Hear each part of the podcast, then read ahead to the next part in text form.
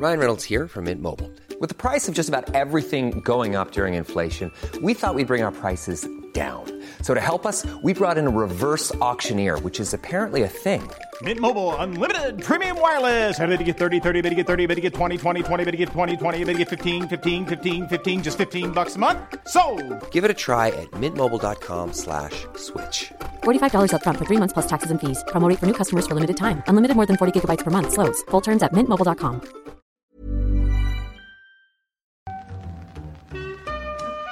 In the supermarket, you have eggs class 1, class 2, class 3.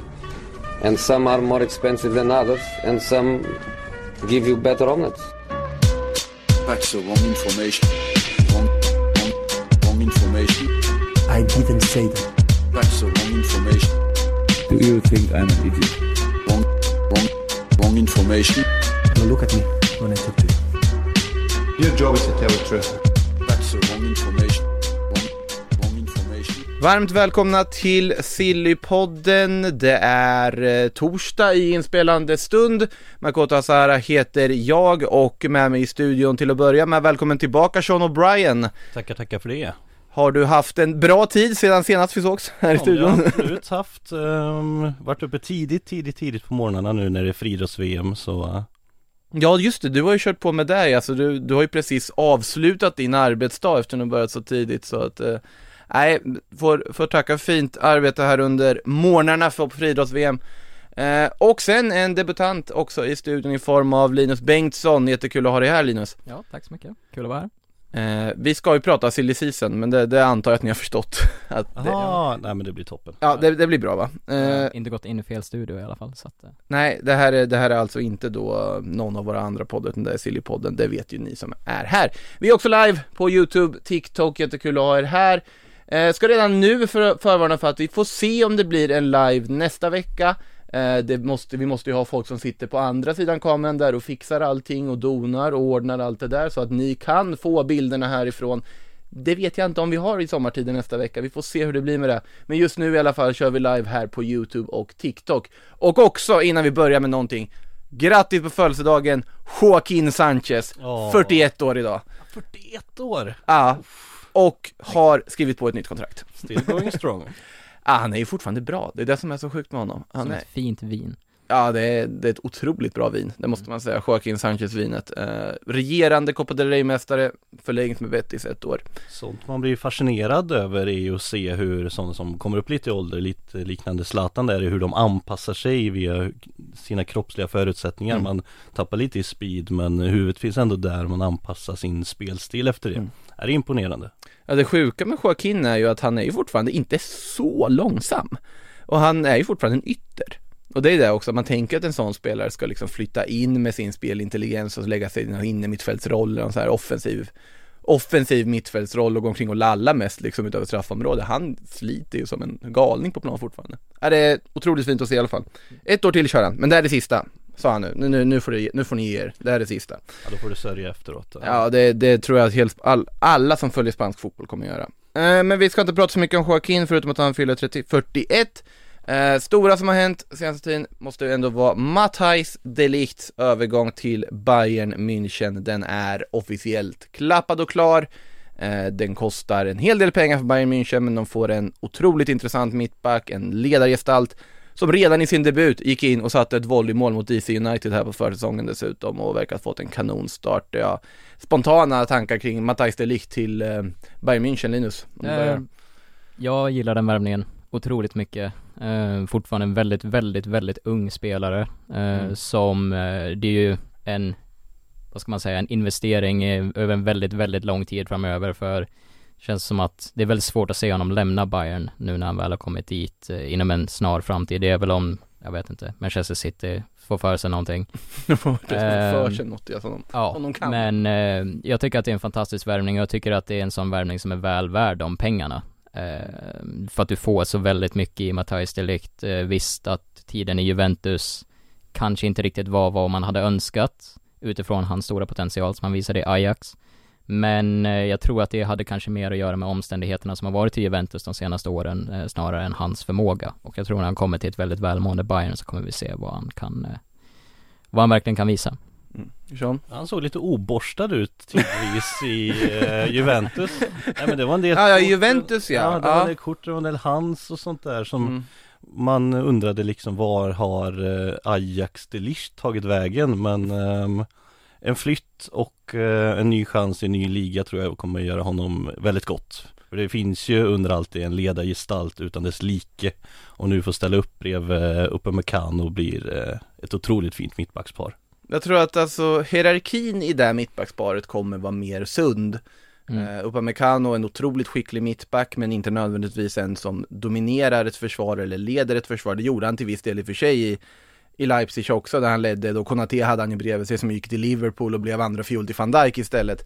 Eh, men det finns ändå någon sorts gemensamt ansvar där. I Juventus så kommer du till en klubb där du har Giorgio Chiellini som varit där sedan urminnes tider, du har Bonucci som har varit med hur länge som helst i gamet. Eh, det är ju två starka röster, starka profiler och det är inte lätt att gå in i den pondusen som Matthijs de Ligt ändå hade med kaptensbinden på armen som 19-åring i Ajax. Eh, Jag håller med om att det här är en jättespännande värvning på förhand. Och det måste jag ändå säga att Juventus värvning de har gjort för att ersätta honom med är också, den blev ju klar väldigt, väldigt fort. Ja. Det tog inte många timmar innan eh, uppgifterna kom om att Juventus skulle accelerera sin jakt på Gleison Bremer från Torino. Dröjde inte jättelänge innan han dessutom var officiellt presenterad. 50 miljoner euro inräknat klausuler. Eh, det var en spelare som, vi, vi kommer till Inter-aspekten av det här först, men till att börja med just ersätt, att få in Bremer till Juventus, det känns som, ja det var ju ett måste för dem. Ja det känns eh, stabilt Mm. Väl en ganska traditionell mittback, han är stark, han är stor, han är rejäl, han är bra på huvudet Kan ändå spela boll, tycker jag Och framförallt nödvändig för Juventus som eh, Jag kollade faktiskt upp det innan, de had- hade bara två mittbackar. Bonucci och det var Rugani som, och Rugani kommer inte få spela speciellt mycket Framförallt inte nu Mm. Om planerna går som de, som Juventus vill att de ska gå. Ja, så är det men och sen summan kan tyckas lite hög kanske men ehm, Pengar kommer från, Juven, från Bayern München så pengar går ut igen. Det, Ja. det är ju så nu för tiden Så funkar det ju. Och en spelare som kan ligan också på ett helt annat sätt. Ehm, och eh, kommer från Torino så befunnit sig i samma stad. Liksom, ingen behöver inte så mycket anpassning tror jag. Ehm, så jag tror nog att det känns lite gammalt hedligt Juventus eh, det här. Ehm, någonting som jag tycker att de har tappat kanske lite de senaste åren. Där de kliver in och bara Ja men honom ska vi ha liksom. Vi, de visar att de är dominanta i Serie A. Vi kan ta vem vi vill. Köper upp konkurrenterna Ja men köper upp konkurrenterna. Dusan Vlahovic. Ja. Men det, där, där var det ju för sig en annan form av investering och en annan Mm. så här signal på att de behövde ha den stjärnan som kan leda dem. Mm. Eh, den som inte fanns i klubben när Cristiano Ronaldo hade lämnat och man insåg att Ronaldo-projektet inte höll som, som man hade planerat då. Mm. Eh, Vlahovic är ju, fan, men jag håller med också, Bremer som kommer in här nu. Men det som är intressant här är att han var ju i princip klar för Inter. Mm. Eller rättare sagt, Inter hade, var ju igång i förhandlingar, de hade redan lagt upp planen. Okej, man skrinjar, vi kan tappa honom. Men då ersätter vi med Gleison Bremer, då har man gjort ganska mycket ekonomisk plus på alltihopa och du får ändå in en väldigt bra mittback som var en av seriens bättre i Torino-tröjan förra säsongen. Men man vägrar höja priset, man vägrar gå med på Torinos krav. Man sitter där på 30 plus 5 eller vad det nu var, så nej, vi höjer inte över det. Sen kommer Juventus in i bilden, Juventus kan erbjuda mer pengar till Inter, de kan, nej, till Torino, de kan erbjuda mer pengar till Gleison Bremer och då tänker man, ja men nu måste ju Inter bara desperat höja det här, lösa den här situationen. Bara okej då, vi betalar de där extra fem som krävs och då löser vi affären. Men eh, man sitter där och tänker att nej men han kommer ju välja Inter. Mm. Nej det kommer han såklart inte göra när Juventus ringer. Vad, vad var det slutsumman landade på för Juventus? Eh, 50 inräknat bonusar och då är det väldigt högt och då är det många bonusar i det såklart också. Ja, men... känns som att det har varit lite trenden den här transfersommaren. Det är väldigt mycket bonusbetalningar som ska in i alla övergångar här. det är ingen som har råd egentligen, det är ingen som har pengar, det är därför. Det är ett eh, luftslott det här Ja, det, det känns lite så. Ja, nej men det är ju också att det, man har sett mycket misslyckade värvningar och då blir det ju att prestationsbaserade bonusar känns som en naturlig del. Mm. Sen behöver det inte vara i den stuk med dem som liksom pratades om först när det kom till Sadio Manés Bayern flytt när det pratade om Ballon d'Or tre år i rad och allt det där. Det kan ju vara realistiska bonusar också. Nu ska jag inte säga rakt ut här exakt hur realistiska bonusarna i Gleison Bremers fall är. Nej. Men jag kan tänka mig att en del av bonussumman kanske är ganska svåruppnådd på sikt. En del av den handlar bara om att han ska spela matcher. Eller minuter till och med. Så att, eh, nej vi får, vi får se, men oavsett om de behöver mittback, jag tycker de behöver en mittback till. Juventus? Definitivt. Ja, utan tvekan. Men tillbaka till Inter. Ja, tillbaka till Ja, Inter. det var det vi- var Tillbaka till, in, tillbaka till Inter, tillbaka Ja. till Inter. Eh, nej men där som sagt, de skulle haft Gleison Bremer. Nu blir det inte så. Han går till Juventus, då måste de titta om, de börjar titta på Milenkovic i Fiorentina bland annat istället. Och också en mittback som pratas väldigt ofta om. En bra Ja. mittback. Han är en bra mittback, men det också, finns en anledning till att det inte har blivit något än. Att det aldrig blir en flytt och det är ju alltid det jag känner med vissa av de här spelarna. Milenkovic är en sån som ryktas konstant. Absolut, han är en väldigt bra mittback, han har gjort det bra i Fiorentina, Fiorentina såg jättefina ut. Är han bra nog för att Inter ska kunna slåss om scudetton? Om de gör sig av med Skriniar och byter ut mot Milenkovic, då tycker jag Gleison Bremer känns som ett eh, liksom, bättre alternativ, ett intressantare alternativ. I dagsläget i alla fall. Eh, Men oavsett om de tittar på det, men samtidigt så verkar ju fansen är väldigt tydliga med, eller de hade en banderoller nyligen bara Skriniar stannar liksom. De vill inte sälja Skriniar. Kang har sagt att vi tänker inte sälja Skriniar nu heller. Och det här, effekten av det här, liksom hela den här situationen är ju väldigt intressant. För nu är det ju så att, ja, okej, Skriniar drar inte från Inter. Då får inte PSG sin mittback. Då lär inte de släppa Kim Pembe. Då får inte Chelsea sin tredje mittback. Vad gör de då istället? Ja, oklart. Och så vidare. Och allting hör ju ihop på något sätt och det är någon sorts mittbackspussel som ska läggas just nu. Delikt till Bayern var en viktig, viktig bit, det var en stor bit. Mm. Men det är många bitar som ligger lösa fortfarande. Det är fint med de här eh, rokaderna som görs. Eh, Något år sedan var det anfallsrokader på alla klubbar och nu är det mittbacks. Så vi får se hur det här går. Jag tror inte heller att Skriniar går någonstans i år heller. Det är min spontana tanke heller. Jag, eh, jag tror att i och med att man ändå missade på, på, på Bremer där så känns det som idiotiskt att vilja släppa Skriniar om man inte har två stycken ersättare som Mm. är redo att komma in och, och speciellt då liksom en mittback med eh, Skriniars kvaliteter och tappa honom, det är ju, ja, då kan man ju, ja, det är ju nästan svårt att utmana Champions League-platserna då skulle jag säga för Inter. Så med tanke på vad andra lag satsar, så hur de Exakt. storsatsar. Alltså om man skulle göra skiftet De Vrij mot Milenkovic, det hade jag kunnat mer se. Mm. Att man väljer att flytta på De Vrij. Problemet är att han in, liksom ger ju inte i närheten lika mycket pengar. Till att Nej. börja med ska jag inte vara glad att Bastoni inte vill gå någonstans. Att Mm. de fick behålla honom med ett jättestort steg. Sen är det Skriniar, ja man fattar att han har kommit lite till åren, han är 27, nu kan du få en riktigt saftig summa för honom. Om du kan få de pengarna, liksom lätta lite på det ekonomiska trycket i klubben och sen få in Bremer, det hade ju varit en ganska okej lösning i sammanhanget. Nu, frågan vilka andra alternativ finns då? Ja. Spontant tänker man en spelare som Pau Torres till exempel som det pratas, alltså bara ligger lite i skymundan på alla alla lag som jagar mittbackar, men vi, vi får se vad allt renderar i, men just nu Inter, man lägger standby på Dybala, som man inte får, som nu är officiellt klar för Roma, ska, alltså, vi kommer till det strax, och då på Gleison Bremer och tappar honom också, så vi får se hur de ska lösa det här fönstret här just nu. Just nu verkar de nästan mer eller mindre implodera själva, inte det är känslan man får. Mm. Fast man får ju också för att hitta någon sorts liksom ljus i det här intermörkret får man ju ändå säga att Lukaku-värvningen är ju briljant business. Eh, Ja, ja, ja, det är Så eh, det har inte varit total katastrof men väldigt mycket katastrof. Ja, alltså katastrof kanske, men de, de håller ju på att dra det här fönstret åt fel håll. Mm. Nu är Christian Aslani som kommit in och sett jätteintressant ut, som man har fått på lån, ung kille eh, från Empoli. Du har ju Onana på fri transfer, och Mkhitaryan är ju en trött värvning, men En- det är ju ingen dålig Det värvning. är omedelbar kvalitet. Ja, Ja. Det är, ja, Ja. Jo. men det är en väldigt Serie A-värvning känns det som. Ja. Eh, Men jag tror att, eh, okej, katastrof kanske var att ta i redan nu, vi kan ju vänta lite och se vad som händer med Skriniar-situationen innan man ger den stämpeln kanske, men det är onekligen intressant att följa just för den då dominoeffekten som du, Mm. som du nämner där. Eh, Det, det, det är väl kanske det mest spännande mittbacksfönstret på väldigt, väldigt länge eh, i, eh, i Europa, så att eh, det piggar upp tycker jag. Ja, för vanligtvis brukar det ju vara att det finns brist på bra mittbackar, att man har bara en, Exakt. två och sen så jagar alla de mittbackarna. Nu är det snarare fler mittbackar än vad det finns klubbar. Ja, som flyttar på sig och det finns, känns som att det alltid finns ett intressant alternativ som ligger och lurar efter du har misslyckats med det ena mm. och många som man kan tänkas flytta på bara, alltså Koulibaly har flyttat från Napoli, bara Ja, det är ju så här någonting som aldrig skulle ske. Vi har fått, Koulibaly har flyttat till Premier League, det har faktiskt hänt, jag har inte tänkt, alltså, Nej, jag, jag trodde inte det skulle hända alltså. någonsin nej. Nej men alltså det har gått så många fönster och det har ryktats så intensivt Men han kostar inte en miljard. Nej, inte heller nej alltså Är det? Nej, men det som ska sägas då om Koulibaly, som jag tycker att du tar upp där Sean, att det har ryktats om så länge Ja. Det är ju att, enligt mig då personligen, så kommer ju den här transfern tre år för sent för Chelsea.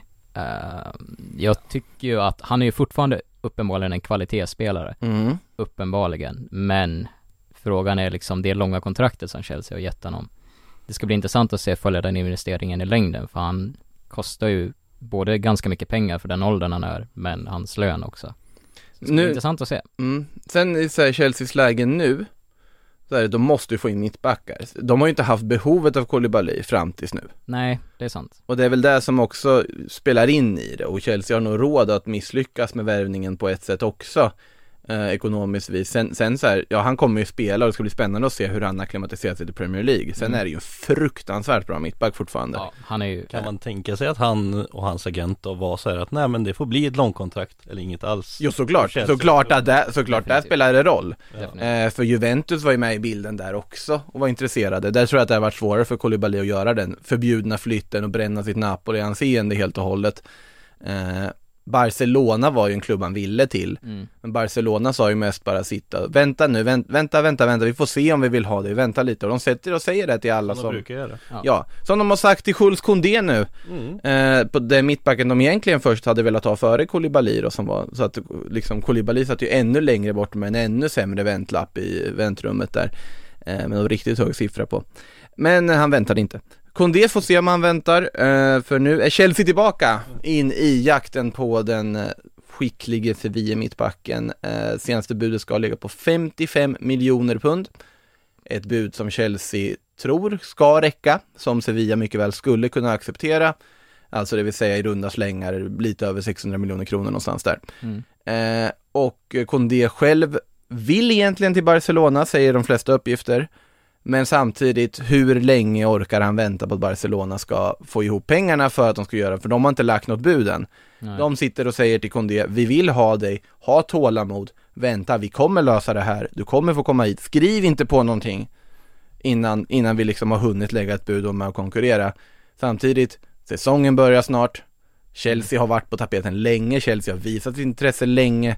Det oroväckande för Kondés del är väl att Chelsea tappade intresset under en kort period där och liksom gick på andra spår och att nu han blivit någon sorts andra val. Mm. Eh, Men samtidigt, Jules Koundé till Chelsea var en övergång man såg som nästan 90-procentigt sannolik inför det här fönstret, nu verkar den bli av.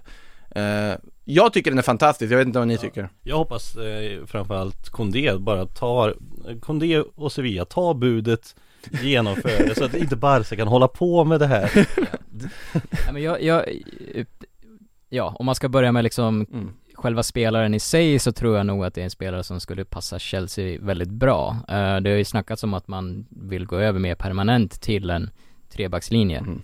Eh, och en trebackslinje med Thiago Silva och Koulibaly och uh, Jules Koundé låter ju väldigt aptitlig uh, på förhand skulle jag säga. Onekligen. Och det är ju, det är ju spännande, han är ju inte liksom en av de längsta mittbackarna eh, som finns, vad är han, 1,78 tror jag. Men om man spelar i en trebackslinje tillsammans med två giganter så kommer inte det vara ett problem och jag tror att eh, hans skicklighet hade passat den backlinjen väldigt, väldigt bra. Eh, speciellt då när en spelare som till exempel Aspilicueta har lämnat. Eh, kanske kan... Ska lämna, kan, Ska lämna, sannolikt ska lämnar. Ja. Eh, jag tror att det är just den förmågan att kunna spela både till höger i backlinjen och eh, som mittback tror jag hade passat Chelsea väldigt bra till ett ganska rimligt pris sett till vad spelaren kan prestera. Nej, det jag håller helt med att eh, Alltså han har ju i för sig inte spelat så mycket trebackslinje Kondé, men samtidigt det är få mittbackar som kan ta bollen, dribbla tio man och göra mål i andra, på andra sidan planen. Precis. Han har ju profilen för att spela en trebackslinje ja det är exakt Ja, det, det är exakt, Ja. det är exakt det, han har, han har ju profilen för att göra det, alltså all All logik säger att det hade varit fint att se honom där. Eh, Vi har en fråga från TikTok här faktiskt, Kondé till Tottenham hade varit någonting Ja det hade det onekligen varit också att se honom i den trebackslinjen, men då tror jag att Chelsea är, eh, han prioriterar nog dem före och Tottenham har dessutom redan lagt en del pengar, Mm. de, det har vi för sig Chelsea också gjort, Eh, och de har plockat in Langlais som en kortsiktig eh, lösning. Tottenham känns väl ganska kallt där. Jag tycker att Chelsea känns väl som det ganska givna eh, den givna destinationen för Kondé i med att det finns ett uppenbart intresse och ett bud på bordet eh, och en plats för honom i laget. Så jag tycker att den känns ganska självskriven och Mm. eh, som Sean säger att det finns ju en ganska given plats för honom i en trebackslinje med de kvaliteterna han besitter. Jag hade personligen tyckt att det var väldigt roligt att se, även fast jag inte Sen har har, mina man, sympatier hos Chelsea. sen har man naturligtvis hade uppskattat att eh, en till klubb går in och eh, snor, för, snor Koundé framför Chelsea igen då. Som även eh, Barcelona verkar ju försökt göra. Barcelona försöker ju just nu eh, fortfarande. De, det, vi får se om de kan svara på det eller inte, vad de gör. Just nu, det är de i full gång med att aktivera ännu en av sina ekonomiska hävstänger. Mm. Som genom att sälja economic levers, det är ju årets ord i Barcelona. De har alltid ett ord i Barcelona varje Mm. år, i år är det levers. Mm. Innebär för, det då? för levers, ja men det är ju de här hävstängerna, man säljer vissa andelar av diverse saker för att få in liksom kortsiktig cash influx och på sikt då få lite mindre inkomst. De har ju sålt 15% som tv-rättigheter bland annat Ja. i 25 år eh, för massa pengar här och nu. Och det här är ju för att kunna liksom täcka de kortsiktiga kostnaderna, kunna registrera vissa spelare, få in inkomsten de bör för att kunna då registrera nyförvärv man redan gjort och så vidare. Eh, och det är, ju, det är ju levers det handlar om i år. För några år sedan så var Burofax, det var det stora ordet i Barcelona-sammanhang när Messi skickade det där. Och jag vet inte vilket år det förra året så var det väl det här med att annonsera kontraktsförlängningar där du har sänkt lön. Det var ju det som Barcelona satte i system förra, det året. Ja. Så att det är alltid något nytt. Vi får se vad vi pratar om om jag ett älskar år. Barcelona så mycket. Det, det är alltid, det är sommarens underhållning deluxe för mig är det. De är fantastiskt underhållande att kolla på.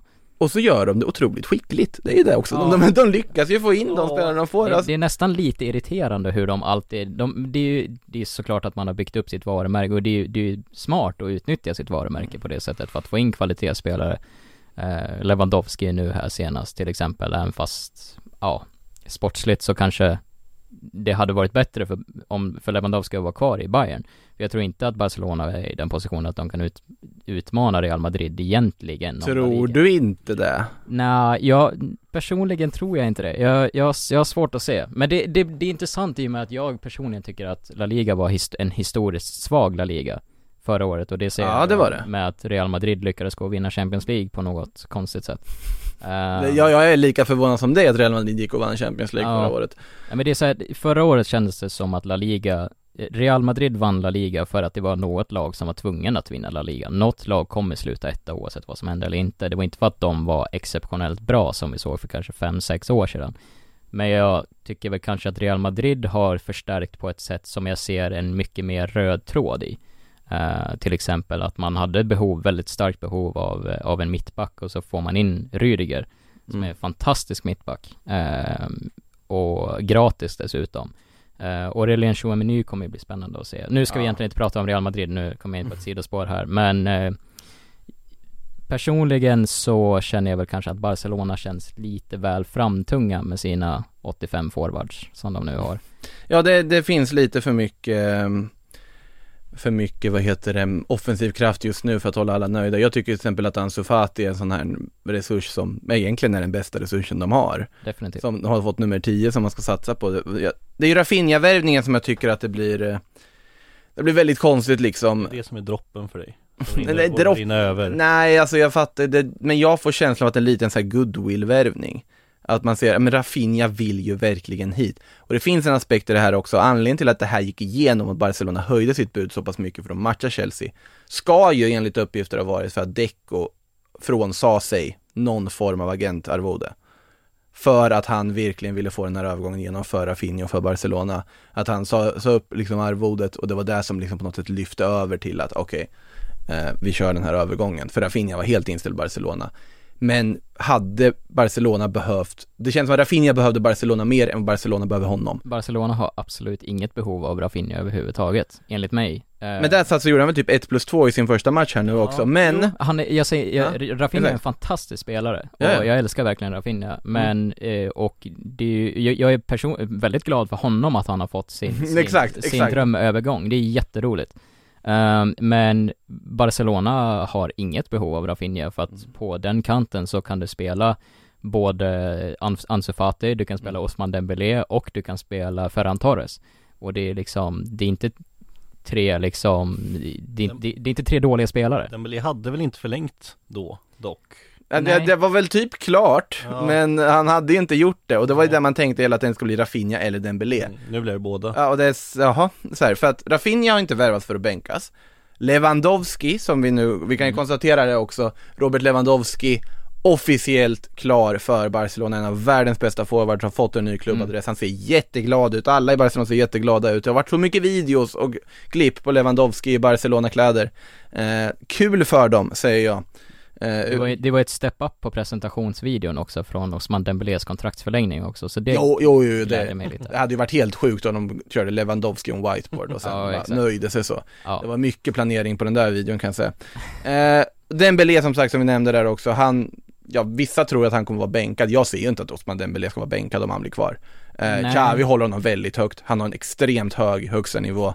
Eh, så att de tre då. Och då ska Ferran Torres, Aubameyang, Ansu Fati bakom det.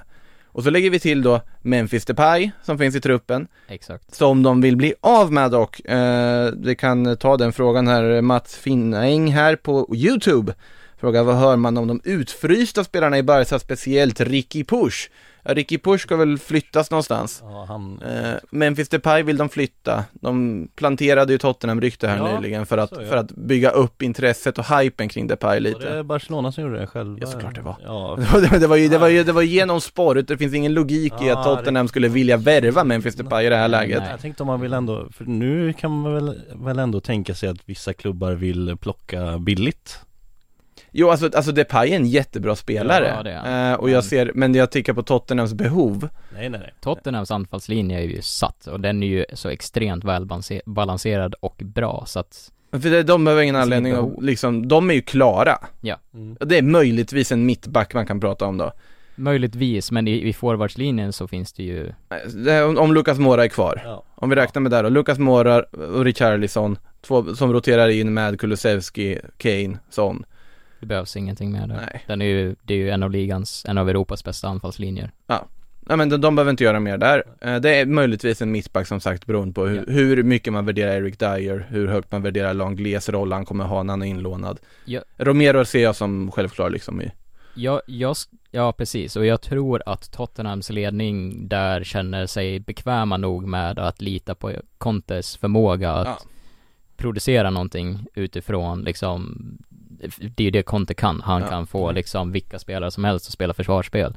Eh, Men sen då dessutom en spelare som vi kanske kommer in på senare då, eh, Jed Spence eh, Som då är klar för Spurs och så Ivan Perisic då. Eh, Så jag tror ändå att Tottenham känner sig så bekväma att vänta på rätt tillfälle för att hitta en mittback där. Men en forward är ju det sista de behöver. Så tillbaka till Mats fråga då Man frågade, ja, det, ja, det, det, du, tidigare medarbetare på Radiosporten och känner att det blir för rörigt här inne. Radiosporten men radion Radion var det ja, Ja. men oavsett, ännu mer ordning och reda. Ordning och reda ska det ju ifrån frågan. Det Välkommen till Sillypodden Sean, här, var vi, här, går, vi- här, går vi på, här går vi på sidospår och hamnar Ja, i det vi känns så. Men jag Ja. känner att jag, jag gillar ju att sitta här med Barcelona Vi, vi måste reda Ja. ut det Ja här men det gör vi ju varje vecka, vi, vi Ja, kom, och det är lika spännande Det- Ja men det, det jag, jag måste, det är så fascinerande att se för att jag, jag förstår inte. Och jag vet inte om jag, om det är kontroversiellt att säga, även fast jag älskar Lewandowski och jag älskar, eh, nu tappar jag bort namnet, Rafinha. ja. Eh, det är ju fantastiska spelare, men det finns ju ingen liksom röd tråd i Barcelonas värvningsfilosofi vad jag kan se, även fast det finns, de har liksom typ sju, åtta forwards. Och de kommer spela med max tre. Alltså Ra- Rafinhas värvning är ju den som sticker ut från filosofin. Lewandowski har ju en annan aspekt i det. Och det är ju att, alltså om man tittar på vad Jean Laporte har gjort tidigare, Mm. han vill ju bygga ett Barcelona som är att räkna med. Han vill att Barca ska vara en klubb där de bästa spelar i, de bästa vill till. Han har ju otroliga Galacticos tendenser egentligen, Juan Laporta. Han har ju de ambitionerna och drivet. Vi ska komma ihåg när de värvade Ronaldinho en gång i tiden, att deras första val var David Beckham. Mm. Det var den de egentligen ville ha in då. Sen blev Ronaldinho ett andra val, han kom in och det vart ju total succé på alla sätt och Och vis. resten är historia. Resten är historia så att säga. Eh, De jobbar ju tydligt för att bygga upp Barcelonas image och status och då är en värvning som Lewandowski, absolut. Jag håller med om att jag tycker det är ett överpris och den åldern och så vidare i det här läget. Jag tycker inte de behöver det. Jag ser Barcelona kunna konkurrera om ligatitlar med en anfallslinje bestående av Ferran Torres, Ansu Fati och eh, Aubameyang. Mm. För jag, jag, det räcker med att titta på förra säsongen, de slog faktiskt det här Real Madrid med 4-0 i ett klassiko. Det är inget dåligt lag, det, det är ett lag som verkligen har kommit på rätt håll, eller går åt rätt håll under Xavi under våren och kommer vara med och slåss om ligatiteln nästa säsong. De kommer och slåss om alla titlar. Och nu Lewandowski på det. Lewandowski på det, och Lewandowski är en garant för att de kommer vara en av favoriterna till alla titlar som finns. De har värvat in, sen, sen liksom så här, Christensen, Kessi som har kommit in, det är ju fri, alltså fri transfervärvningar som kommer in positioner de behöver förstärkning. Kessi har egenskaper som ingen annan med mittfältet har. Christensen in också logiskt. Bernardo Silva som de vill ha, det är ju bara utifall att Frenkie de Jong försvinner. Om de Jong försvinner, det är ju för att de behöver liksom finansiera allt de sysslar med just nu. Ja. Det som är anmärkningsvärt med Barcelona, det är just det här att de på något sätt riskerar framtida, liksom framtida ekonomin för att ha ett så pass starkt lag i nuet, men hela det här, allt de gör just nu är ju helt beroende på att de faktiskt börjar vinna saker. Att det, det ger resultat på planen. Ja, det, det håller jag med om Mm. och, och det är ju som sagt, det är ju väldigt, väldigt bra spelare. Alltså Robert, Robert Lewandowski, det är ju, ja, 25 mål minst garanti. Spännande att se också, han har ju spelat, eh, i Tyskland så spelar man ju bara 34 matcher Mm. och har ju ändå, eh, till skillnad från 38 som man gör i, i många andra av de eh, stora europeiska ligorna, så ska det bli intressant att se hur mycket han kan producera när han får lite fler matcher också på sig. Han får ju Eh, roteras, det finns ju bra bänk. Ja det är det också, man kanske bara får spela 34 ändå. Ja. det ligger något Men sen de ska ju sälja Minguessa nu så Ja, Oscar, eh, ja det är ju, det är ju back, backnamn som de som säljer, eh, eller försöker sälja. Jag tycker att det är lite konstigt faktiskt. Det är en sån där typ av spelare som tycker är underskattad. Alltså Oscar Mingueza kunde mycket väl ha blivit deras Nacho. Mm. En spelare som aldrig hade gnällt på att sitta bänk i Barcelona, som de bara hade kunnat plocka in och liksom, han kan spela vänsterback, högerback, mittback, du behöver ju truppspelare. Lite som Sergio Roberto typ. Ja, Sergio Roberto är dock en välavlönad truppspelare. Ja, Eh, Nu det- fick han ju dock ett nytt kontrakt med lite, inte samma hutlösa lön som tidigare och det går ju att diskutera om Sergio Roberto skulle ha haft ett nytt kontrakt sett till vad han har levererat. Men Oscar Mingueza kan spela mittback, kan spela högerback, kan spela vänsterback, kommer aldrig gnälla. Nej. Och gör liksom två, tre plus insatser. Ja. Men du har han där. Jag ser inte behovet av, du får inga pengar för honom ska sälja honom heller. Får en tio- Alltså de kan nog mjölka ut en 10 miljoner euro, det är väl bättre Ja, det är bättre, ja absolut, men ja. Då, Men det är det, det är det som stör mig lite med Barcelona, för att de har ju liksom alla möjligheter i hela världen att verkligen vara världens bästa klubb. Alltså, i världens ja, förutom 10 miljarder i skulder. Ja men det är det, alltså om man hade liksom byggt det på ett, på ett smart sätt, de har, de har ju alla förutsättningar som finns men så har de ju, jag vet inte om de blev lite för galna med sin egen, eller det blev de ju uppenbarligen med alla värvningar som har sänkt dem och det är det som jag tycker personligen är, är, är lite synd. Eh, för att de har ju den, förmodligen mest dragningskraft i hela världen. Eh, Alltså, då, alltså Real Barcelona Real Madrid är två klubbar som alltid kommer att ha dragningskraft. Alla, alla spelare kommer alltid vilja spela för dem oavsett hur, hur Mm. illa ställt det är i klubbarna. Och de har ju utnyttjat det verkligen, det här Ja. fönstret har de gjort och det man förstår ju verkligen att det är värt att göra en investering för att fortsätta till exempel ta sig till Champions League för att Mm. få Champions League-pengar. Det hade ju varit en katastrof för dem om de hade missat Champions League. Den här, Så är det. Ja, då är det bara att klappa ihop båden alltså ja. Mm. Ehm, men det är en väldigt, väldigt hög risk eh, som de sätter sig och det blir intressant att se om de klarar, klarar sig. Eh, jag tror att de kommer komma kanske två. Jag tror att Real Madrid kommer ta det personligen, men det ska bli intressant att se också hur Xavi kommer utvecklas som tränare. För det fanns ju ändå Mm. väldigt positiva tendenser där förra säsongen, sedan när han kom in. Onekligen. Eh, nu ska vi lämna Barcelona tänkte jag. Vi brukar alltid prata så mycket om dem, men jag tyckte, det, eh, ja, nu kastar jag körschemat, det spelar ingen roll. Premier League Vi ska till Premier League, för jag tyckte vi var inne lite på någonting där med Tottenham, för att Jed Spence är ju klar, och det är ju så att inför det här fönstret så sa Antonio Conte, jag vill ha sex stycken värvningar. Och då, ja, Jed Spence, det är den sjätte. Mm. The Six Spence, som de presenterade Ja. honom med. På, ja, Tungt var det det, det, var, det var ganska bra presentation. Ja, det var det, det. var- det, var, det var, fanns en fyndighet i det ändå. Det. Eh, så de är ju, det, men som vi sa, de är ju klara då. Ja. Eh, och jag ser inga problem med den här värvningen, absolut. Det är skillnad på att leverera för Nottingham i Championship på lån och att leverera i Alltså Premier League-nivå. Det går att diskutera hans, ja liksom attityd och inställning sett till annat man har sett liksom och, och så vidare och under säsongen, men jag tror att det här kommer att liksom slå väl ut. Det är ju en Mm. kvalitetsspelare. Ja, jag, tycker också det, alltså, han ja, är lite, och som jag sa förut, kanske lite oborstad lite, Men som wingback alltså, hans frenesi och han kommer springa och han kommer löpa och han kommer Ja. fylla på Han kommer eh, förhoppningsvis anpassa sig bra till både Tottenham och till Premier League Men om jag, om jag får slänga ut en fråga till er, tror ni att han kommer vara en given startspelare direkt i Tottenham? Han är ju väldigt ung fortfarande. Han är 22 väl? Så ung är han inte Men jag tänker Det liksom, värsta är att du faktiskt har rätt på ålder, det var det jag kom fram senast. 99, jag är nästan jag- säker på att det är 99 eller 00 för det som, 21, för det, det som är, för, exakt, ju- snart och, 22. och han har ju inte liksom extremt mycket erfarenhet eh, med sig och, och Conte generellt sett gillar att förlita sig på mer kanske veteranliknande spelare vilket då värvningen av Ivan Perisic kommer eh, hjälpa väldigt mycket med för han kan ju spela både på vänster wingback och höger wingback. Om man Mm. vill slänga in kanske Sessignon eller Ben Davis eller någon sådan på vänsterkanten. Så det går ju att rotera, men det som är spännande med den här värvningen är att det är en väldigt eh, alltså positionsspecifik värvning som wingback. Vilket Conte är väldigt mycket ute efter. Men frågan är ju också, för det har ju snackats om otroligt mycket kring Conte och Tottenham, hur länge kommer han vara kvar? Och Jed Spence känns ju som en värvning för framtiden, men är det en framtid då i så fall där Conte kommer vara kvar? Eh, alltså med Conte vet man ju aldrig. Nej. Och det kan vara så att han vill ha tre nya värvningar efter att de ligger sjua efter liksom halva säsongen. Han får inte dem, blir arg och lämnar. Ja, han bara skiter i det och han, bara han, säger han drar till PSG när Galtier har tappat omklädningsrummet där. Ja, exakt. Alltså, det, det kan mycket väl hända, absolut. Men sen så här, Jed Spence nu tror jag är liksom i någon sorts rotationssystem med Mm. Doherty. ja. Det är väl det jag ser framför mig. Jag tror att man kommer försöka av, ta bort Emerson på något Mm. sätt. Eh, det har inte riktigt funkat, kan man väl lugnt konstatera. alltså. Ja, men du måste hitta någon att skicka till. Ja, Det är det, och du kan inte bara skicka bara liksom rakt ut ingenstans. Du måste ju ha en destination för skickandet. Betis. Igen ja, ja det, det hade nog Betis tackat ja till kan jag säga det med tanke på att de skulle nog gärna vilja ha in en högerback om Hector Bellerin inte kommer tillbaks. Mm. Eh, det är väl Sabali som är första valet där nu, måste vara ett tryggt val men kanske inte liksom piggaste.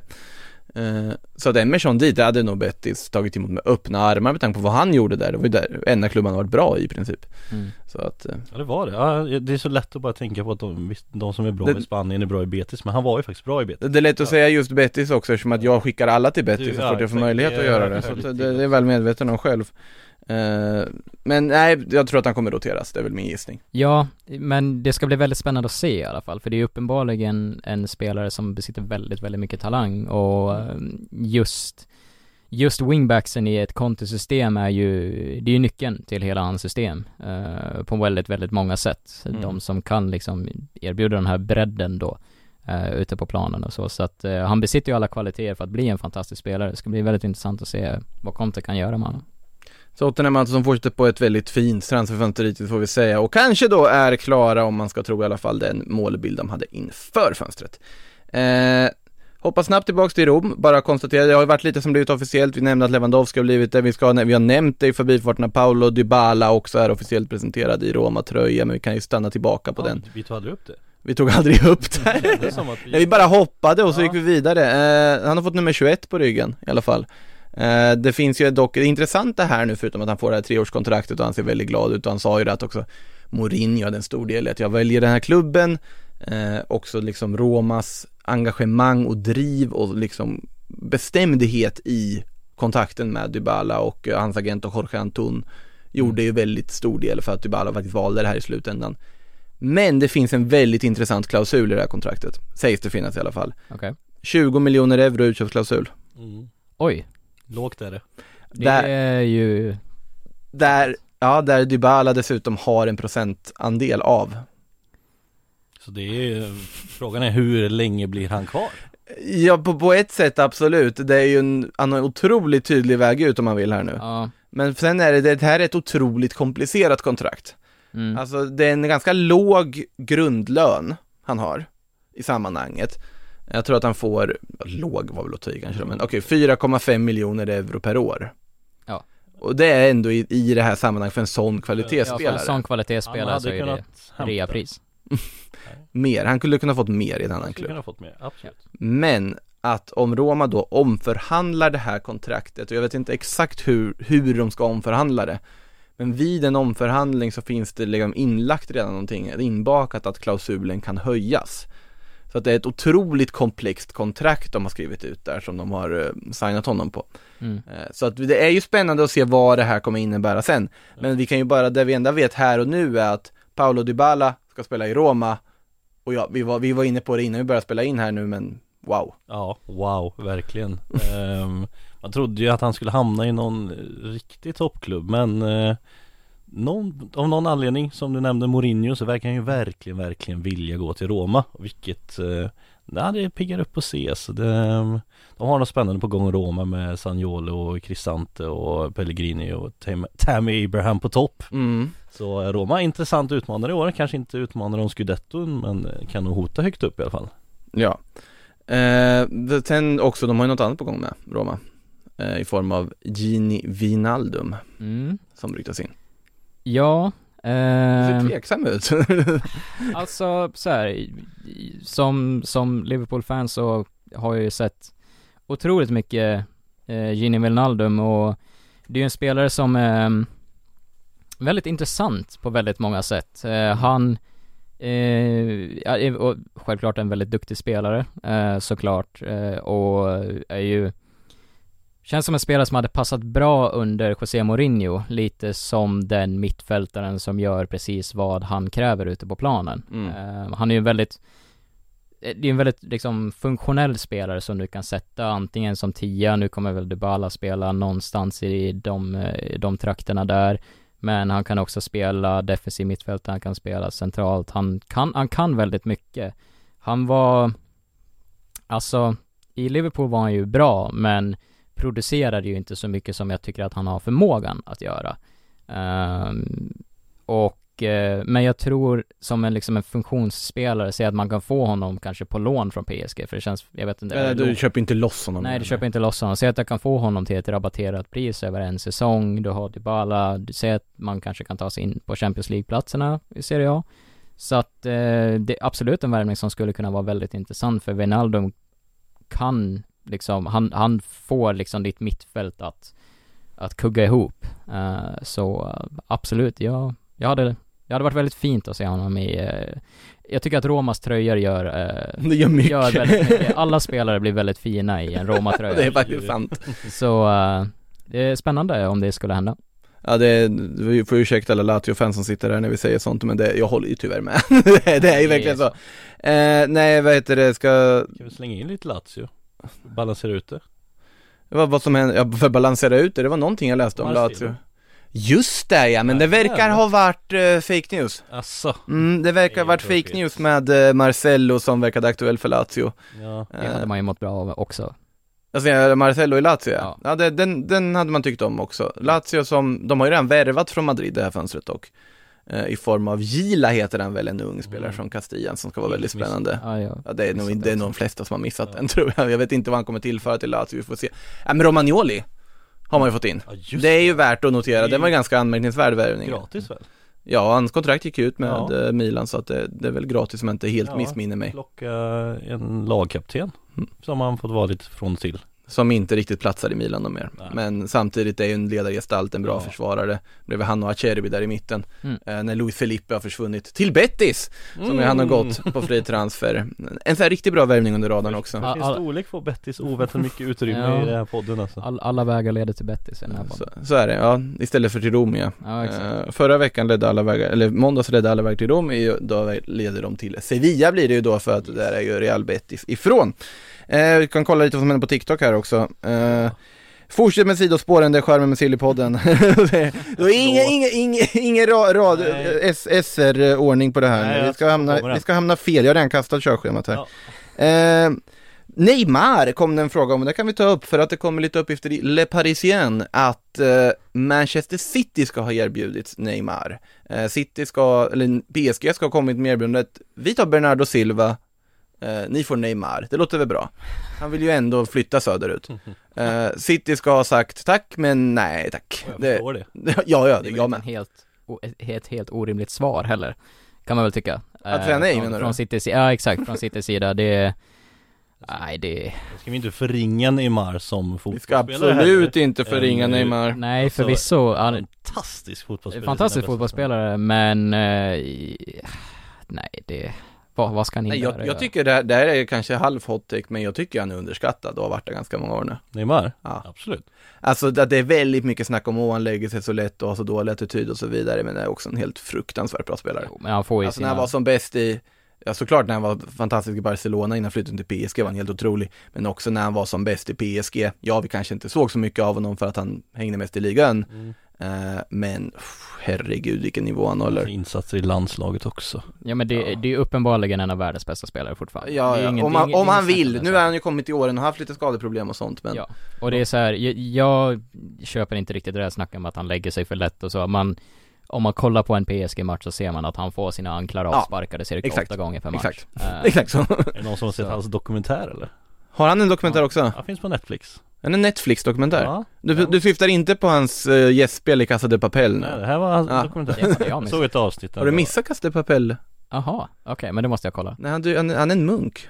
Jaha, okej men Nej, jag säger inte mer än så. Det, det kom det är någon säsong som är med i alla fall. Ja. Spoila inte här.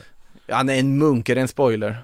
Ja. Men det, är- kanske. det är kul Jag att har, höra inte sett, jag har inte sett Casa Papel så Gör Det är det. kul att höra att han är dedikerad till sin fotboll i alla fall och inte håller på med sina sidospår med karnevaler och Han sin är systers födelsedag och allt det där Fortnite. Fortnite, ja precis Ja, det är allt möjligt Neymar. Känns inte riktigt som att han är så pepp-kompatibel eh, när vi drar igenom allt det här Att han inte är så pepp-kompatibel. Guardiola Ja, alltså, Jo men eh, nu sitter jag och tänker, när kom Neymar till Barcelona? nej det var ju, eh, var inte det under Det var ju senare ja, det var ju senare men det blir ju liksom så här, allting runt 2010-talet blir bara ett blurr för mig i huvudet. Ja. Eh, men ja såklart det var ju lite senare.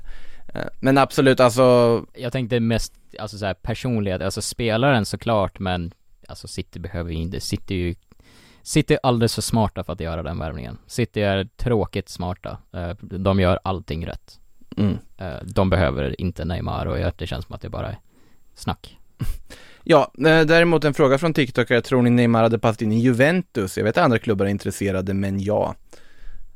Ehm, Ja, det kan jag Garanterat. nog eh, se. Alltså jag tror att Neymar hade passat in nästan i vilket lag som helst, alltså sett till hans kvaliteter. Ja. Um, oj, nu slog jag till micken. Uh, men Ja, den, den hade jag mer kunnat köpa. Jag Uh, håller typ inte med alltså. Du gör inte det? Nej men vi såg ju hur det gick när Ronaldo gick till Juventus Varför skulle det gå bättre med en ny fixstjärna där? För att Neymar är 30 år, teknisk, snabb och skulle kunna spela på en helt annan position där de inte har täckning. Ja, jo så är det men Laget skulle inte behöva byggas kring Neymar som det behöver byggas kring Ronaldo ja, så och så vidare. Men det, det som eh, framgick tydligast för mig när jag såg Juventus med Ronaldo Var ju att hela den här harmonin förstördes av den här superstjärnan Kanske av anledningar du berättar här Men, eh, och varför ska man försöka gissa sig, göra så igen? Ja, alltså Ja, nej jag, jag, tror inte de har råd. Nej inte det Jag tror inte det är Nej, men det är aktuellt. Nej men det känns, alltså Det beror väl på lite vad man vill åstadkomma med värvning av, av Neymar. Om man går tillbaks till City-spåret som är den officiella, det officiella ryktet. Eh, Ja, det, det får kallas ett officiellt rykte på att Ja. det kom eller Paris igen och publicerades. Exakt.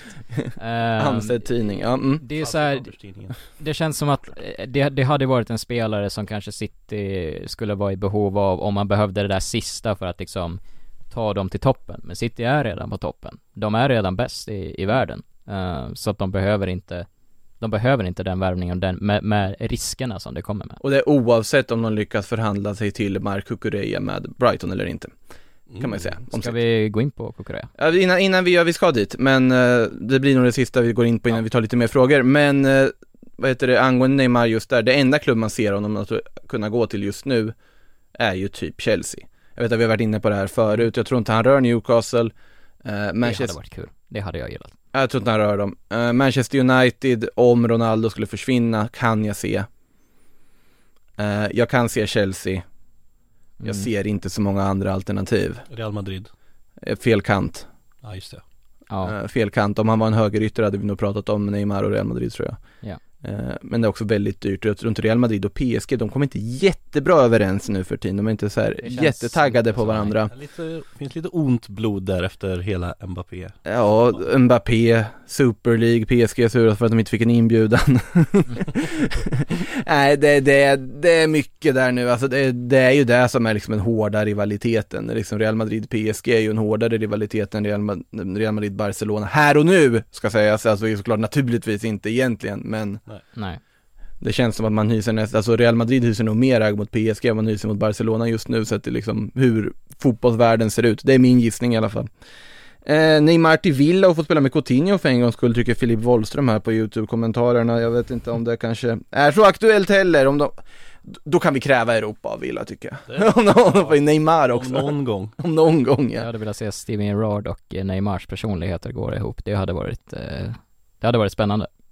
Mm, ja, det hade varit något om inte annat. Marcus säger håll isär Bartomeus arbete med Laportas arbete. Ja, det, det har vi nog gjort från början tror jag. Eh, Josep Maria Bartomeu, tidigare Barcelona-president och Ja. ja. Självklart. Det, jag vill för, förtydliga på den punkten. Ja, ja. Så eh, jag antar att det var en kommentar. Ja, det var en kommentar. Mina, mina kommentarer. Ehm, Barcelona sedan eh, La, eh, Laporta kom Mm. Eh, har ju absolut börjat gå i en stadigare riktning. Ja, Eh, det är ju självklart, men det är ju en ganska djup grop att gräva sig ur. Eh, jag säger, ja, det var mer en dröm om potentialen som de hade. liksom det finns, det finns inget avsnitt i Lyxfällan som bestått av att, ja nu sitter vi i skiten här när man liksom räknar upp de där, vad heter det, sedlarna. Ja, Och sen bara, hur ska vi ta oss ur det här? Ja men du, vi går och köper en bil. ja exakt, exakt, exakt. Eller ja, det gör de i och för sig, de går, de går och säljer en riktigt dyr bil och sen så köper de en billig bil för de behöver en bil. Det har man ju sett hända i det här programmet. Men inte att du inte säljer någonting och sen bara går och köper nya bilar. Ja, vi ska ha en ny TV också. Det brukar vara loppis de jobbar hårt med. Men det verkar Ja, och fr- framförallt en försäljande loppis till att börja med också.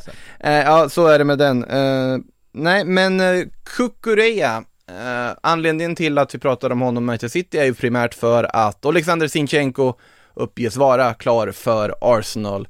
Eh, bara kort sammanfattat, jag tycker det är en helt klockren värvning av Arsenal, måste jag samma, säga. Samma här. Han kommer ju komma in och Tierney är ju, vänsterbacken är ju Mm. som sagt borta ett gäng matcher per år. Där kommer Sinchenko kom, kunna fylla upp. Mm. Han kan kliva in på mitten, han kan köra offensiv mitt, han kan köra sittande mitt. Han kan säkert eh, täcka för Saka på höger mitt också, vika in med sin vänsterfot. Ja. Tvivlar jag inte alls på för han är så pass spelintelligent. Mm. Och det såg vi inte minst när ehm, Sverige spelade mot Ukraina, vilket hot han var varje gång han fick bollen.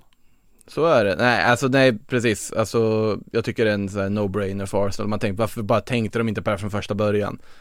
Ehm, ja, jag håller med. Ja. Jag tycker Sinchenko är en fantastisk, väldigt underskattad spelare, eh, tycker jag som, eh, han började väl sin karriär som, som en tia egentligen, Eh, om jag minns rätt. Ja, han alltså började som inne mitt så blev han omskolad till vänster Ja, precis. under Pep. Ehm, Mittfältare i landslaget fortfarande. Ja, exakt. För att Pep gör det Pep gör.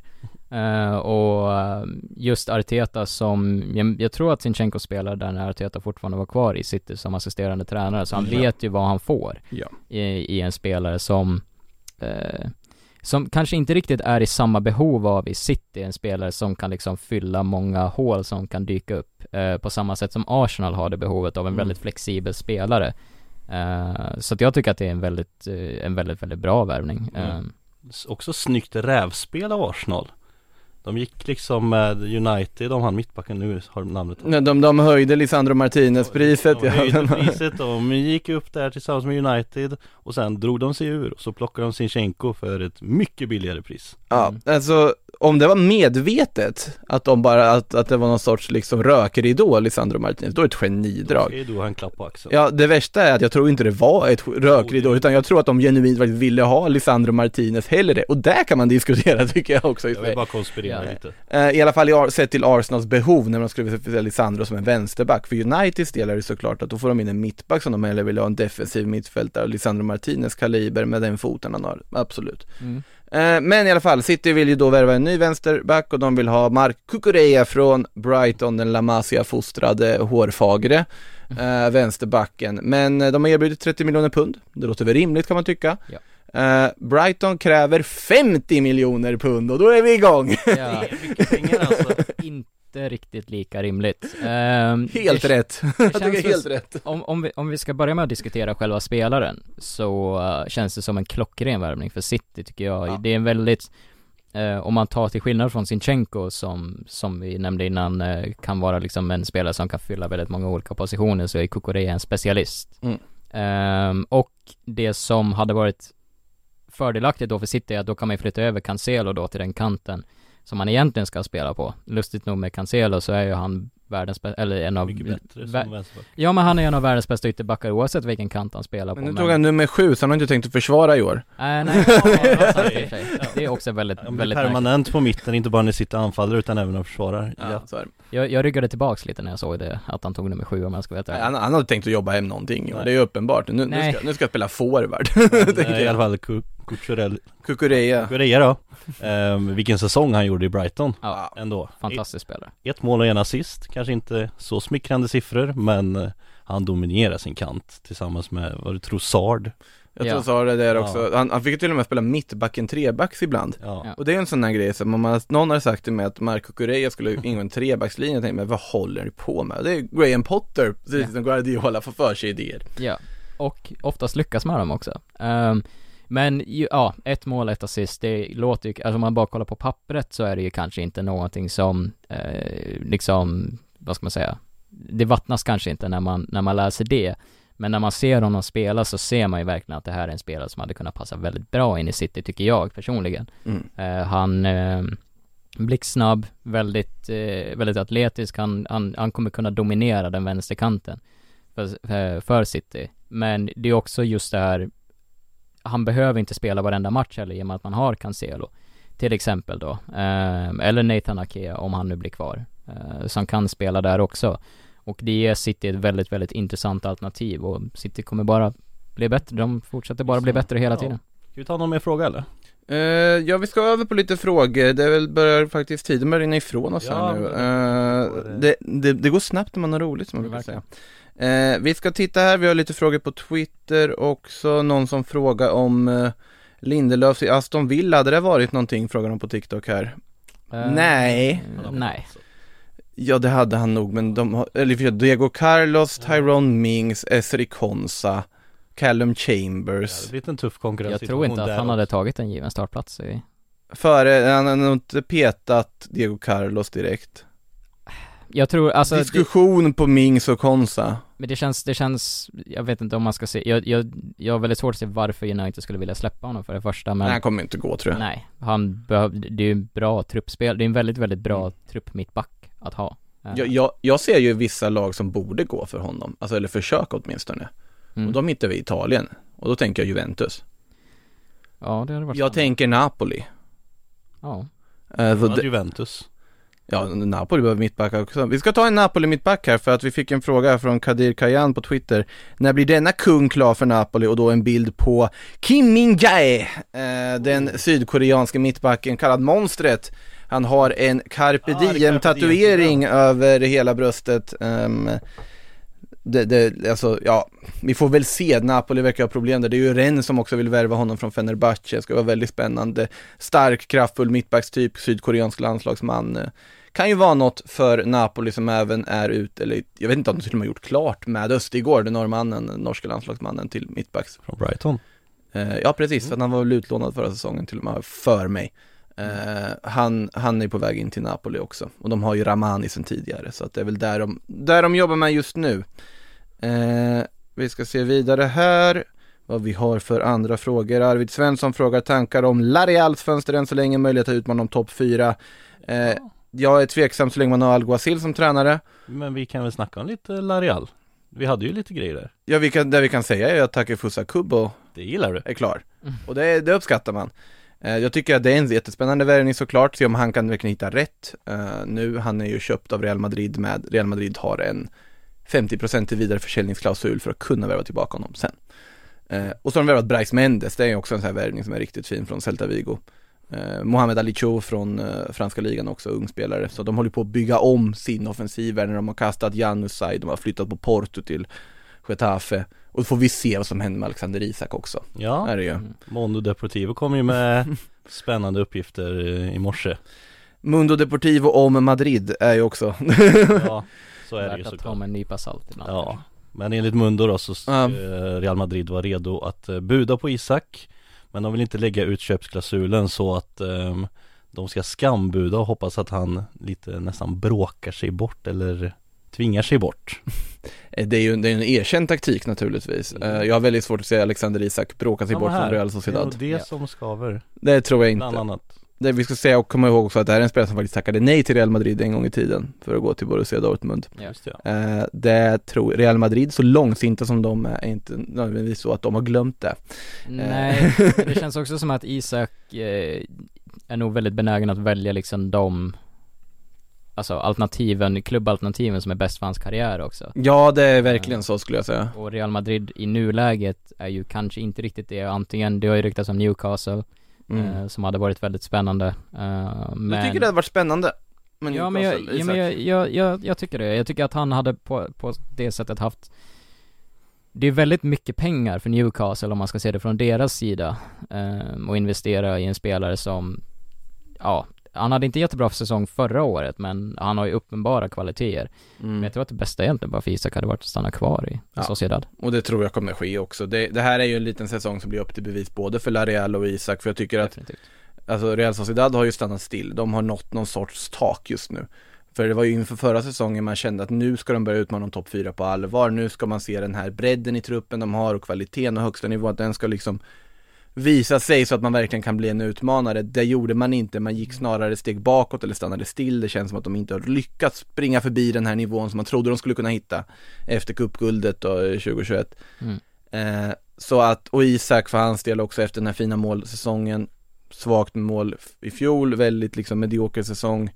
Det är upp till bevis lite för honom, så det är ett vägskäl på många sätt för Real Sociedad, det som, det som komma skall här nu. Intressant Väldigt Eh, intressant Eh, vi ska se, vi tar någon mer fråga, vi kan ta lite United, inte mycket att snacka om dem idag. För J. Albin frågar, alternativ om Frenkie skiter sig för United och han bollar upp Fabian Ruiz som ett alternativ som skulle kunna vara något. Eh, spontant så väldigt intressant alternativ i så fall. Ja. Eh, jag gillar Fabian Ruiz väldigt, väldigt mycket. Eh, otroligt bra spelare. Men det beror ju lite på vad United är ute efter. Eh, vad, vad United egentligen är i behov av. För att så som jag, vad min personliga åsikt är så känns det som att Uniteds mittfält kan ändå vara relativt satt som det är just nu.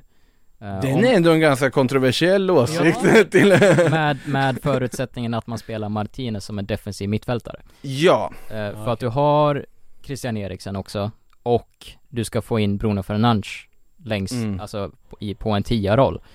Um, vart ska du få in eh, Ruiz eller de Jong på det mittfältet? Jag hade varit inte, om man kanske kör någon form av diamant, det vet jag inte. mm. Ehm, men om man vill klämma in fyra mittfältare där. Eh, och så får du ju inte glömma att Fred, som har varit en spelare som har varit extremt kritiserad, ehm, han lyfte ju sig extremt mycket förra säsongen när han verkligen fick en roll som passade honom. Så att Ja. han är ju inte, han är inte en dålig spelare. Ehm, och så har man ju fortfarande, ja, typ McTominay, men ja, whatever. Jag gillar McTominay ja, jag tycker han kan tillföra också. Han tillför, han, som, som vi var inne på förut, han gnäller inte Det är underskattat med sådana spelare På plan kan han gnälla. Han gnäller inte om man inte får spela Ja, det, det får vi se, för nu har han ju fått spela så pass mycket att han inte haft anledning att gnälla. Ja. Ehm, men Ja, alltså. Erik Ten Hag har ju faktiskt gått ut och pratat om just vad det är för typ av spelare han söker just i den här mittfältpositionen. Och han ju liksom att vi, vi letar på en spelare som kan spela i liksom the holding midfield position, alltså en bollhållande, temposättande. Jag tänker ju då liksom Tony Kroos. Alltså den, Ja. alltså en metronom som ligger på mitten och fördelar, ligger ganska långt bak, kan ta lite viss liksom defensivt ansvar samtidigt. Eh, men alltså, but it has to be the right one. The- There are not many in that position capable of the level we demand. Alltså han vill ju ha en Frenkie de Jong typ som verkligen kan liksom bara styra ett mittfält. Men, och man satsar på eh, Tony Kroos efter Schweinsteiger debaclet Tony Kroos är en fruktansvärt mycket bättre spelare än vad Schweinsteiger var i det här läget, men Tony Kroos kommer inte flytta på, ja i och för sig om ett år så går hans, eh, det bara skaka på huvudet. nej, nej. Alltså, Kommer du ihåg när det pratades Tony Kroos United? Det var ganska länge det gjorde det, något sommar där. Hade, hade vi vridit tillbaks klockan sex år så hade jag kunnat eh, se det mer. Eh, men Tony Kroos är en fantastisk fotbollsspelare fortfarande såklart, men eh, svårt att se det. Men det, men det är intressant där med Ten Hags kommentarer, att man just vill ha en, en bollhållande, trygg mittfältare. Och visst, det får man ju i de Jong, men de Jongs extrema styrkor är ju att flytta bollen framåt i planen. Eh, liksom kunna dribbla sig förbi motståndare och föra bollen in i den sista tredjedelen, vilket jag tycker också att man får med en spelare som Christian Eriksen. Men du Så- får inte det andra med Eriksen på samma sätt. Nej. Inte riktigt, men varför värvade man Men- då Christian Eriksen? Det är ju ett truppkomplement också. Sen sa ni också, om vi inte kan hitta den spelaren så får vi liksom använda de spelare vi har i truppen just nu och utveckla någon i en position. Ja, för jag kom på en spelare som, en spelare som vi glömde där just nu är ju, ehm, ja, nu glömde jag till och med namnet på han, Eh, han som var utlånad till Everton. Ja, Donny van de Beek. Donny van de Beek, tack så mycket. Ja. Ehm, jag tycker att det ska bli extremt spännande att se vad som kommer hända med Donny van de Beek nu i, när Ten Hag har kommit in, för att, Men han är ju inte heller en hållande mittfältare, han är ju en sån som åker omkring Ja. och tyder ytor offensivt och liksom jo, förvisso, men det ska bli inte, jag, jag tycker att det ska bli intressant. Jag tycker personligen om man inte liksom lyckas få de Jong till exempel, Mm. så är Uniteds mittfält ändå tillräckligt bra för att kunna utmana på toppen eh, av den här halvan. Men det beror ju som sagt, det är med förutsättningen i mitt huvud vart eh, Lisandro Martinez kommer spela. Om jag, om Lisandro Martinez inte är tänkt att spela på mittfältet, då eh, vet jag inte riktigt vad de Nej, på då behövs det nog en till. Eh, och- det kanske är det som är lite den tanken då, att de kanske får ändra lite hur man lägger upp det mittfältet Men jag tror att, alltså så här, Fabian Ruiz har varit jättespännande, det är ju en sån Ja. spelare som skulle kunna funka i den Verkligen. rollen uh, Frenkie de Jong en annan uh, Guido Rodriguez är en lite mer liksom defensivt präglad gubbe men skulle kunna teoretiskt sett gå in i en sån roll också tänker jag Jag sitter och funderar vilka andra typer av mittfält, du vill inte ha tvåvägs har du ju, Fred är ju en tvåväg som är riktigt skicklig i det, du behöver inte någon sånt typ, han, hellre spela Fred då, du kommer inte hitta någon. Wijnaldum. Det värsta är ju att Wijnaldum hade funnits Jag vet, jag vet, Det är det, det det, hade varit, En Dombele. ja. Ja, ja. faktiskt också. Alltså hade varit jättespännande att se United-tröja. Det finns ju vissa dem som blir lite så här, det blir svårt att motivera dem. Alltså att få den värvningen Ja, att det, kännas- ja, Wijna- Wijnaldum var ett skämt, eh, för att uppenbarligen så kommer inte det gå, men eh, Gio Lo varit- Celso. Oh. Ja, det, ja Det hade jag skrivit på Ah, alltså eller hur? Ja. Alltså det kanske inte vad United-fansen vill ha, men alltså jag tror att det hade kunnat bli Nej, succé. men Jag vet inte om det är någonting som United-ledningen hade velat ha heller, men ja. På lån från Spurs. Alltså det hade, det hade varit fantastiskt. Det hade varit helt otroligt. Ta in Lo Celso på lån, då cementerar man ju sig att man är under Nej det gör man inte Gör för man att det är ett inte? genidrag. Ja, Det hade, du får en jättebra spelare. Så länge du ser till att lägga in en köpoption eller köpobligation i det här kontraktet Ja Jag och fattar inte till riktigt var den här liksom bilden av att Lo Celso är en dålig spelare har kommit ifrån Han är en helt otrolig spelare Ja, jag vet inte, det är för att Tottenham inte har kunnat använda honom. Jag vet Ja. inte riktigt, och han har blivit överflödig, men jag håller helt med dig. Eh, så är det. Gio Lo Celso till United, vad säger ni om den? Det var inte vad ni trodde vi skulle avsluta det här avsnittet med tror jag. Eh, med det sagt så är det dags att runda av. Eh, Tack Linus, tack Sean, jättekul att ha er med. Tack alla lyssnare och tittare eftersom vi var här på Youtube och TikTok också. Sillypodden kommer tillbaka nästa vecka. Så har det gått till dess. Ha det bra. eggs, Hej då. class 1, class 2, class 3. And some are more expensive than others, and some give you better omelets. That's the wrong information. Wrong, wrong, wrong information. I didn't say that. That's the wrong information. Do you think I'm an idiot? Wrong, wrong, wrong information. Now look at me. Du har lyssnat på en podcast från Aftonbladet. Ansvarig utgivare är Lena K Samuelsson.